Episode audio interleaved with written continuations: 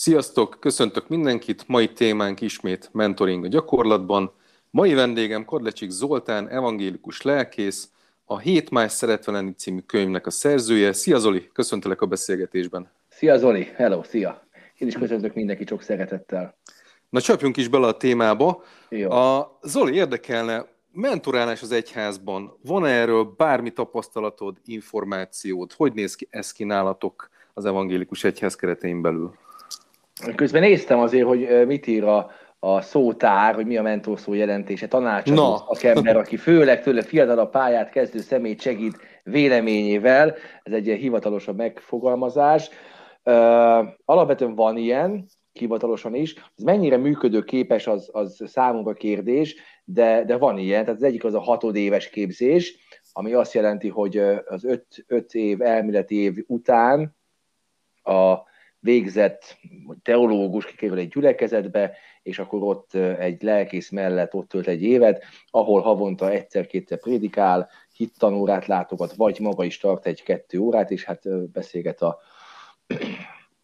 a mentorával. Ez az egyik. Hogy a hatod év megvan, utána szentelik fel a teológus lelkészé, és hat év, hatodik év után van még kettő év, amikor segédlelkész ami annyit jelent igazából, ez egy jogi forma vagy formula, hogy nem választható. Tehát van három egyházkerület, az északi, déli, nyugati, és ahova a püspök helyezi, ott lesz két évig, és nem mehet át mondjuk Sopronból Szegedre, csak mondjuk püspöki engedéllyel, és két év után választható lesz, és a második évet követően még egy vizsgát kell tennie. De ebben a két évben mindent csinálhat, tehát eskedhet, temethet, de hogy nem választható, illetve itt van egy principálisa, ezt így mondjuk, egy úgymond mentor, akihez lehet fordulni, hogyha valami szakmai vagy lelki kérdése van. Tehát alapvetően elméletileg van, illetve most már egyre inkább van továbbképzés nálunk is, ez a lelkész akadémia, különböző szupervíziók, amik azt gondolom, hogy fontosak, meg, meg így pontozzák az embert ilyen csúnya szóval, tehát hogy lehet előre menni, mint a pedagógusoknál. A kérdésem az, hogy ez mondjuk egy belső kisegyházon belül, ez a belső ö, ö, folyamat vagy dinamika mennyire tud jól működni. Én azt gondolom, hogy nem feltétlenül jól. És hogyan látod a gyakorlati oldalát? Ugye említetted, hogy a működés az jelen pillanatban még vagy kialakulóban, vagy van, hagy némi kívánnivalót maga mögött? Hogyan látod a gyakorlatát? Mi az, amire szükség lenne ebben a folyamatban? A... Én azt látom, egyháztól függetlenül, vagy nem, nem egyházban lévő mentoroknál, hogy nagyon fontosak a keretek. Tehát például az, hogy semleges, semleges legyen a, a vezető, meg a csoporttagok egymással, ne nagyon ismerjék egymást. Ez egy ilyen nagyon régóta bevált szokás, vagy, vagy egy ilyen szakmai, szakmai irányultság, amit én teljesen értek. Tehát, hogyha, hogyha ott egy mondjuk pszichodráma csoportban, ezt tanultam és végeztem, ott van két olyan ember, akik mondjuk előtt egy héttel szakítottak egymással, akkor nem, nem fognak tudni úgy megnyílni. Hogyha mondjuk a vezető pszichodráma vezető, nem tudom, előtte két héttel bulizott hatalmasokat két csoporttaggal, nem fog úgy működni. Ez egy normális dolog. Tehát kell egyfajta semlegesség, pontosan, ezt úgy nevezi a pszichológia, hogy taxieffektus, nagyon érdekes, hogy sokkal könnyebben nyílunk meg egy ismeretlen embernek, mondjuk egy taxisnak, ezért nevezik így, mint aki, aki mondjuk valamelyes közel áll hozzánk. Nyilván megint más, hogyha nagyon közel áll hozzám valaki, egy barát, hogyha ismerem, van egy úgynevezett kontraindikáció, kollégám, főnököm, akkor sokkal nehezebben megy a megnyílás, és hogy én ezt látom nehézségnek, és azt gondolom, hogy gyakorlatilag ezt kéne beültetni, hogy olyan szakemberek legyenek, akik egyfelől szakemberek, másfelől meg, meg külsősök, és nem feltétlenül belsősök, mert egyszerűen dinamikailag, lélektanilag sokkal nehezebben megy a belső munka, hogyha van valamiféle kontraindikáció. És hogyan látod ezt a folyamatot, amikor ugye valaki bekerül ebbe a mentori programba, ugye hatod évben, illetve a másik opcióban, amit említettél, ott milyen gyakorlati módszerek, eszközök folynak, és ennek milyen, milyen a hatásfoka, tehát hogyan válik majd önálló lelkipásztorrá nálatok egy jelenleg még hatodéves mentorált lelkész? Hú, ez jó kérdés, Zoli. Én azt gondolom, hogy itt is a tapasztalat, meg az évek hozzák, meg, meg a saját élmény a lelkészi pályán, mert most gondolj bele, hogy valaki bekerül mondjuk az egyetemre 18 évesen, hogy átlagosan, és kijön 23 évesen, azt akkor lesz 24, és 24 évesen már maga vezet gyülekezetet ahol van temetés, öngyilkosság, depresszió, konfliktusok, feszültségek, keresztelő, egyik napszakban mosolyogni kell, meg keresztelsz, aztán lehet, hogy délután megjön hozzád egy család, aki éppen temetés jelent be. Ez nagyon megviseli a, a, a segítő szakmában dolgozókat, így a lelkészeket is. Tehát, hogy egyfelől van egy olyan része, amire azt mondom, hogy nyilván segítség, hogy hogyan prédikálja, ezt elmondja egy gyakorlott lelkész, kicsit hosszú volt, kicsit rövid volt, nem tudom, ne hadarjál, ezt szokták nekem is mondani, még főleg korábban, erre figyelj, de ezek nagyon fontos dolgok, hogy igazából szerintem a személyiségfejlődés az, ami, ami igazi ilyen jó értelemben kardot hozhat, vagy hát ilyen, ilyen munkaeszközt a, a lelkész kezébe, hogy hogyan tud konfliktus helyzeteket kezelni, hogyan tud kimosakodni, hogy Gyökösi Bandi bácsi erről nagyon sokat és szépen ír a református lelkipásztor volt, egy pásztorál pszichológus, hogy hogyan lehet úgy végezni ezt a segítő szakmát, hogy ez jól működjön, és mi se égjünk ki, segítő szakmában lévők, ez személyiségfejlesztés kérdése. Tehát az, hogy hogyan prédikáljak, az fontos, hogy hosszan, lassan, ne hadarjak, nem tudom. Pont Hankis Elemér írt ő is erről, hogy, hogy az apja mondta azt, hogy hogyan beszéljen, és hogy ő is ugye hadart, meg nem tudom. Ezek fontos dolgok. De a másik, a, a, a, a lelki működésünk az szinte még fontosabb, és itt megint csak, ahogy egyszer beszélgettük veled, nemrég Zoli, az önismeretet nem tudom elengedni, hogy ez nagyon-nagyon-nagyon létfontosságú segítő szakmában lévőknek, ami nekem nem azt jelenti az önismeret, hogy tudom azt, hogy paprikás szalámit szeretnék venni, vagy párizsit, hanem a korlátaimat, az előnyeimet, a hogyan vagyok én ebben, mi, a, mi az, ami engem bosszant egy beszélgetésben, miért van az, hogy valakire kivetítek valamit. Ez egy hosszadalmas munka, de hogyha a személyiségünket nem dolgozzuk meg, szerintem nehezen lehet működni lelkészként is, és ez a mentori rész, ez fontos, viszont ebben azt látom, hogy kevésbé, kevésbé vagyunk előre haladottak, akár evangélikus egyházban is. Neked volt olyan így a pályafutásod során, akire mentorként tekintesz? Volt olyan személy, akár közvetlen vagy közvetlen formában, aki téged ezen a pályán segített, támogatott, akár szupervízióval, akár hivatalosan, akár nem hivatalosan. Tudsz ilyen szemét említeni? Abszolút, van lelkiszi körben is egy-két olyan kollega, akire tudok itt tekinteni, illetve hogy ez nagyon fontos és érdekes kérdés, egyébként tényleg nagyon érdekesen egybevág itt a lelki rezonanciámmal, mert hogy szerintem a, a,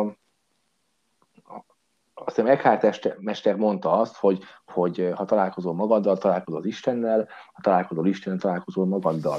Hát ráhúzni mondjuk egy, egy lélektani munkára, vagy egy önismeretre azt, hogy valaki nem templomba járó, nem feltétlen hitvalló keresztény, és ezért nem lehet jó vezető vagy mentor, szerintem ez butaság, és, és, és, és ez engem bosszant. Ez azért mondom el neked, mert hogy a hitünkhöz is hozzásegít az, hogyha járunk mondjuk terápiába, vagy önismereti csoportba. Attól függetlenül, hogy mondjuk az a terapeuta vagy csoport nem feltétlen keresztény jellegű. Hisz, hogyha valaki megdolgozta saját magát, empatikusabb lett, közelebb került magához, a természethez, mondjuk a transzcendenshez, az engem igenis segít a keresztény lelkészi munkámban. Azzal együtt, hogy lehet, hogy nem keresztény. Szóval, hogy, hogy minden olyan, olyan pszichodráma vezető, vagy önismereti ember, aki, akihez én jártam, sokat segítettek pont a hivatásomban, de van olyan, olyan lelkész kollega is, aki, aki segített lelkileg, vagy érettebbé válni, és mondjuk még lelkész is volt. Amit én tapasztaltam ezekben a folyamatokban, vagy folyamataimban, az pont az, hogy kialakult egy bizalom a csoport felé, vagy mondjuk a terapeuta felé, és ahogy mondjuk Carl Rogers is azt mondja, nagyon jó kis példát hoz, ugye ő a non-direktivitásnak az atya, és a mentálhigiénél ezt nagyon sokat tanultunk tőle is, meg róla is, hogy hogyha egy krumplit, ami a pincében van, beteszel a fény felé, vagy, vagy éri a fény valamelyik oldalát, ott kezdi el ereszteni a csíráit, ott kezd el nőni, ahol kapja a fényt. Tehát, hogyha tudunk egy közeget teremteni, mint mondjuk lelki gondozók, lelkészek, pszichodráma vezetők, ahol meg lehet élni azt, ahogy vagyok, amilyen vagyok, dühös, fáradt, cinikus, kimerült, kiégett, örömteli, nem tudom, és ebbe, ebbe, ebbe szabadon tudok lenni, és érzem az elfogadó közeget, az igenis fejleszt. Viszont vannak keretei. Tehát például a főnököm vagy egy kis lelkiszi karból, van vezető, vagy, vagy a vezető ilyen, hogy a főnököm meg kollégám, sokkal-sokkal nehezebb. Na, de a lényeg az, hogy tudok, igen, van, van egy-két olyan ember előttem, meg név, meg art, akire azt mondom, hogy hú, hát tőlük sokat kaptam, de azért, mert hitelesek voltak, meg önazonosak, és mertem úgy előttük lenni, hogy egy idő után lehúlt az állarc, és ott volt Kadlecsik Zoli, aki nem lelkész, nem szexuálterapeuta, nem nem tudom kicsoda, hanem egy ember, akinek egy csomó kérdése van. Ez azért is fontos, hogy említetted ezeket, hogy önazonosság, hitelesség, mert azért egy lelkipásztor napi élete, munkája az nem gondolom 8-tól 4-ig tart, hanem ez egy 24 órás folyamat. Ez így van. Te ezt hogy éled meg? Hogy látod ezt a mindennapjaidban? Hogyan, hogyan tudod azt véghez vinni, hogy gyakorlatilag te is definiálhatjuk úgy, hogy egy mentora vagy gyakorlatilag egy gyülekezetnek, hiszen valamilyen üzenetet adsz át nekik. Ez uh-huh. lehet lelki üzenet, lehet fizikai támogatás, egy adománygyűjtés, igen, egy temetés, egy esküvő megszervezése. Hogyan éled meg ezt a 24 órás szolgálatot? Uh, hát én 11 óta vagyok lelkész, tehát most már 10 éve. Most ez 10 éve augusztus-szeptemberben és kettő évet voltam Szákszenden, aztán utána voltam iskola lelkész Sopronban, az egészen más dinamika volt, nyilván mindegy ilyen tanári munka bizonyos értelemben, így időbeosztásában legalábbis, és aztán most megint falun vagyok lelkész, megmondom őszintén, nem könnyű, vagy én nem élem meg könnyen legalábbis, pont azért, meg kis közösség, és pont meg, hogy 0-24-ben a, a lelkész lelkész, hiába nem predikálok, vagy nincsen hittan, kimegyek a boltba, akkor automatikusan jön az a kép, hogy hát itt volt a lelkész a boltban, vagy nem tudom, meglocsolta a virágokat. Szóval nem könnyű ez, ugyanakkor erre mondom azt, hogy nagyon fontos a kimosakodás, meg az önismeret, hogy az ember megtalálja azokat a, azokat a erőforrásokat, amikből tud merítkezni. És hogy Bagdi Emőke mondja azt, hogy téged azt tesz boldoggá, ami boldoggá tesz. Tehát, hogy nincsen recept. Hogyha nekem az, hogy elmegyek pecázni, akkor menjek el pecázni. Ha az, hogy benne alszom két napot egy albérletben, akkor tegyem azt. De hogyha ha, ha nem éresítem a fejszémet, mivel vágni kell a fát, akkor nem fogom tudni kivágni a fát. És ebben a, vagy ebből a példából kiindulva a fejsze a saját személyiségem. És ezt védeni kell, ezt őrizni kell és megint csak Bagdémőke mondta x évvel ezelőtt, mikor egyszer meghívtam egy előadásra, nem ért rá, hogy Zoltán valami szent, és arra vigyázni kell, mert hogyha nem vigyázok, akkor nem fog működni. És a szentet magára értette, mint embert, akit megváltott mondjuk az Úr Jézus, vagy ő, vagy ő is egy hívő református ember. Szóval erre szerintem nagyon kell figyelni, és hát ehhez önismeret, hogy megtaláljam azokat az eszközöket, fórumokat, forrásokat, ventilációs felületet, ahol, ahol tudok lenni szerep nélkül, szerintem ez fontos, illetve hát pontosítok, még mindig szerepben vagyunk, de mondjuk 0-24 órás lelkizi szerep nélkül, és tudok lenni olyan közegben, akár barátokkal, akár egymagam, akár az Úristennel, ahol, ahol lehetek olyan, amilyen lelkészként is lehetek fáradt, lelkészként is lehetnek konfliktusaim. Ezeket tudom kezelni, vagy a helyére tenni. Ha ez nincsen meg, akkor ez a 0-24 órás segítő szakmai vagy lelkészi munka, hát nehézé tud válni. Hm. Hogyan tudod azt definiálni, hogy te gyakorlatilag ugye nem csak egy közösséggel foglalkozó, hanem nagyon sok gyerek is jár, azért hozzá táborokat csináltok, hittant tanítasz, ha jól tudom. Hogyan Igen. látod ezt a szerepedet a társadalomban, egyrészt mint lelkipásztor, meg mint ezeknek a fiataloknak akár definiálhatjuk a mentora, akitől tanulnak, kapnak valamit az út, útjuk elején? Uh-huh. Hát ez is egy, ez is egy izgalmas kérdés, azért azt megint csak visszamegyek a keretekre, hogy kinek meddig terjed a kompetenciája, és ezt érdemes egyetemesen megvizsgálni, akár mint mentálhigiénés, pszichiáter, pszichoterapeuta, lelkész, pedagógus, nem tudom, hogy ki mit végzett. Ez nem azt jelenti, hogy nem lehetnék, vagy nem lehetne az ember mondjuk kontraproduktív, de mondjuk mi nem tudtunk pedagógiát. Ez így nem igaz, mert tanultunk egy évet, az két fél év, de mondjuk amikor én jártam teológiára, nem volt még belőle uh, segíts már, nem kolokvium, nem volt belőle szigorúat, így van, tehát kolokváltunk. Én, hogy hogy kell egy órát felépíteni, hát, vagy meg egy óraváltatot, mit tudom én, nem tudom. És de érzem a hiányait. Persze ezt lehet fejleszteni, Ugyanakkor azt gondolom, hogy, hogy itt is, mint minden más helyzetemben, a kapcsolódás az, ami nekem fontos.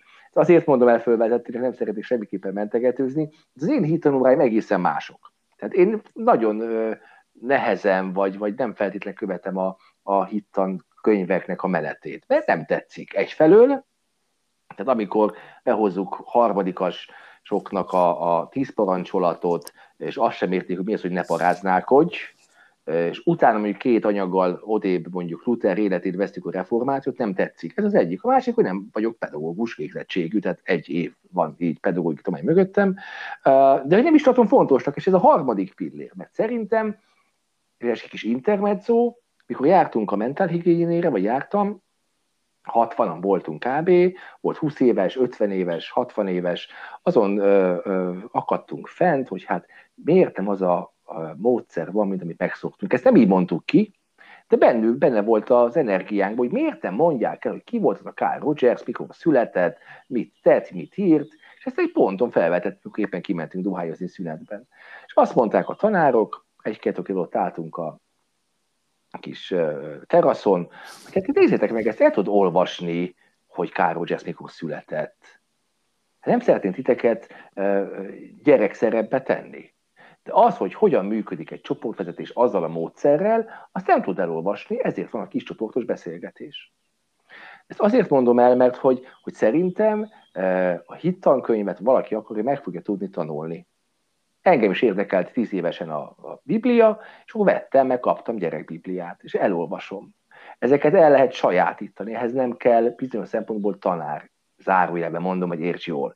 De ahhoz, hogy milyen egy közeg, ahol lehet a hetedikes lánynak, fiúnak beszélgetni arról, hogy szerelmese vagy nem, és hogy hogyan van ott a, a lelkész mellette, vagy a hittantanár, szerintem az sokkal fontosabb. Tehát én úgy vagyok a, a hittanosaimmal, hogyha éppen van egy nagy ünnep, karácsony, húsvét, nyilván beszélgetünk erről, de igazából én beszélgetek velük. És azt kell mondanom, bár nyilván nehéz megítélni a saját hittanóráimat, de hogy szeretnek a gyerekek hozzám járni, és nem csak azért, mert nincsen, nincsen dolgozat, vagy kevés dolgozat van, hanem azért, mert azt látom, hogy úgy nyílnak meg egymás előtt, meg előttem, amire azt mondom, hogy lehet, hogy máshol nem biztos, illetve hogy, hogy ez építi őket és hogy az fog, arra fog emlékezni majd 20 évesen, hogy de jó volt beszélgetni lelkészsel arról, hogy mi a szexualitás vagy a szerelem. És lehet, hogy 20 évesen veszi elő az, hogy mit, mit mondott Jézus. És nekem ez sokkal fontosabb, hogy kapcsolódjunk, mint az, hogy egy tananyagot tudjon ötösre. Ez engem nem érdekel. Hm. Itt a kapcsolódásnál maradva, ugye a készülőkönyvedel kapcsolatban érdekelne, hogy mi volt ezzel az üzeneted, a, a missziód ezzel a könyvvel kapcsolatban? A, Hát ugye ez a beszélgesték, ez 18 óta megy, föl is vettem egy-kettőt diktafonba, aztán valahogy nem úgy alakult, hogy ebből könyv legyen, és aztán ugye a beszélgestéken túl elkezdtem egy barátommal szervezni egyéb más rendezvényeket is, nem csak, nem csak beszélgetés, beszélgestéket, koncerteket, színházi előadásokat, ez is elmaradt a Covid miatt, és azt gondoltam, hogy nem szeretnék tétlenkedni, meg úgy valahogy hív, és akkor legyen ebből mégis egy, egy könyv ebből a beszélgetés, beszélgesték sorozatból. És hogy Hát én arra törekedtem, és azt hiszem meg is találtam ezt a hangot a partnerekkel, hogy amennyire lehet, nyilván ez publikus lesz, könyv lesz, bárki megveheti, elolvashatja, legyen őszinte önazonos. És szerintem ez a világban rettentően fontos. Én ahány terapeuta személyesen, közvetlen vagy közvetve hatott rám, Popper Péter, Feldmár András, és még sokan mások, azok, azok a pont azt éltem meg, hogy önazonosak, és merik vállalni azt, ami van. És azt mondta talán pont a Feldmár András, ebben nem vagyok biztos, de szerintem igen, hogy az a, az egyik legnagyobb nehézség a világban, hogy mást mondunk úgy alapvetően, mint amit gondolunk. És ez tudatosan vagy tudat alatt nagyon leszívja az energiánkat, hogy most a másik tényleg így gondolja, tényleg, tényleg az, az valamit, ahogy, ahogy mondja. És lehet, hogy néha nehezebb egy-egy kimondott, nyersebb vagy, vagy, vagy bántónak tűnő mondatnál, hogyha valaki ez, ez tükröt állít elém, de egy, egy, egy ponton túl megnyugtató, hogy tudom azt, hogy, hogy ő, amit mond, azt úgy is gondolja. És szerintem az önazonos, hiteles szónak hihetetlen ereje van. Lehet, hogy nem értek egyet vele, hogy mit gondol az egyházról, mit gondol a szexről, mit gondol az Istenről, semmi baj. De tudom azt, hogy ott lehetek olyan, amilyen vagyok, mert ő is olyan, meg én is lehetek ilyen, vitatkozunk, eszmét cserélünk, és azt mondjuk, hogy akkor mi így vagyunk egymás mellett. ebben egyetértünk, ebben meg nem, és, és nekem ez volt a célom, ez a célom ezzel a, ezzel a Hét Más című könyvvel, vagy beszélgető, beszélgetés esték könyvvel, hogy olyan embereket szólítsak meg, akik szerintem őszinték, és elmondják azt, hogy mit gondolnak a, arról, hogy hogy vannak ők szeretve, és szerintem tényleg izgalmas lehet, szóval tényleg előjött a Szabó Győzőtől, a Steiner Kistóptól kezdve az összes többi 5-7 szereplővel együtt az, hogy hogyan vannak ők magukkal, és szerintem ennek ennek az átjövő energiának, üzenetnek, őszinteségnek ereje van, és én ezt szeretném képviselni, amennyire tudom minden munkámban, szerepemben és az egész életemben.